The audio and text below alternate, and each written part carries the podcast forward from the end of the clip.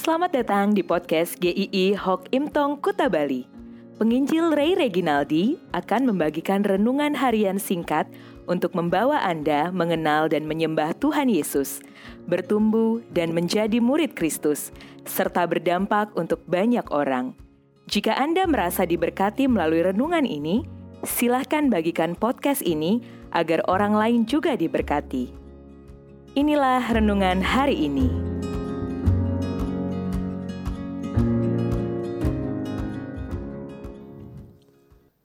Sesingkat telapak tangan. Mazmur 39 ayat 13a.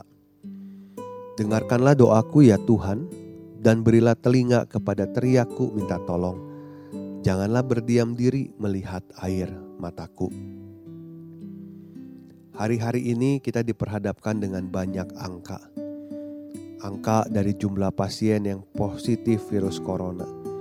Angka pasien yang sembuh juga angka kematian dari pasien yang sudah terkena corona. Angka kematian masih belum berhenti, bahkan sampai hari ini. Di beberapa negara jumlahnya begitu mengerikan. Banyak yang tidak bisa dimakamkan dengan prosesi yang normal. Semuanya serba singkat. Bahkan kita pun hanya bisa melihat dari angka-angka yang tertera itu siapa saja yang meninggal tanpa tahu orang-orang itu siapa. Di dalam situasi ini, mengingatkan kita untuk merenungkan satu hal yang penting tentang kehidupan yang sedang kita jalani. Daud mengatakan, "Hanya beberapa telempap saja kau tentukan umurku."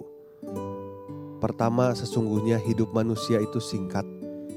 Telempap adalah ukuran telapak tangan Hidup manusia hanya beberapa telapak tangan di hadapan Tuhan. Sangat singkat sekali.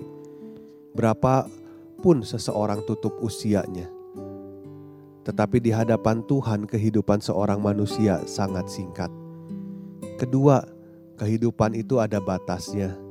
Ada waktunya setiap manusia itu. Dia tidak akan selama-lamanya ada di dalam dunia ini jadi ajal seorang manusia itu adalah sebuah kepastian. Siapa pun tidak bisa menghindarkan dirinya dari kematian. Ketiga, akhir sebuah kehidupan itu sering kali tidak terduga. Daud mengatakan, "Kau tentukan umurku." Tuhan yang menentukan batas akhir kehidupan seseorang. Kematian bukan saja sesuatu yang pasti, tetapi untuk kita sering kali kita melihatnya sesuatu yang tidak terduga duga. Namun banyak orang yang menyia-nyiakan hidupnya. Seperti yang Daud katakan, ia hanyalah bayangan yang berlalu, ia hanya mempeributkan yang sia-sia dan menimbun, tetapi tidak tahu siapa yang meraupnya. Banyak orang berusaha mempertahankan apa yang tidak bisa dipertahankan. Banyak orang salah prioritas di dalam hidup ini. Hidupnya dihabiskan untuk mengejar sesuatu yang tidak bisa dinikmati di dalam kekekalan. Banyak orang mengejar nafsunya belaka tidak peduli akan kehendak Tuhan. Seruan terakhirnya Daud mengatakan, Dengarlah doaku ya Tuhan, dan berilah telinga kepada teriakku minta tolong. Janganlah berdiam diri melihat air mataku, sebab aku menumpang padamu. Aku pendatang seperti nenek moyangku. Sekalipun dia Raja Israel, dia sadar hidupnya hanya menumpang. Semuanya milik Tuhan dan dia hanya bisa berharap pada Tuhan. Dia berharap dituntun dalam kehendak Tuhan di dalam hidup yang singkat ini. Sekalipun itu berarti ajaran Tuhan yang keras harus dia terima. Hidup ini memiliki makna kalau dijalani di dalam Tuhan saja. Seseorang pasti menginginkan banyak pencapaian di dalam hidup ini. Tetapi setiap pencapaian sebetulnya akan membawa pada sebuah kekosongan lagi jika kita tidak menyertakan Tuhan di dalamnya. Namun orang yang ada di dalam Kristus bisa berkata, Bagiku hidup adalah Kristus dan mati adalah keuntungan. Hidup ini adalah kesempatan dari Tuhan, maka jalanilah dengan berharap dan setia kepadanya.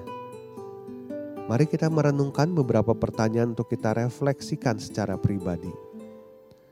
Apakah Anda sudah menemukan makna hidup yang sesungguhnya?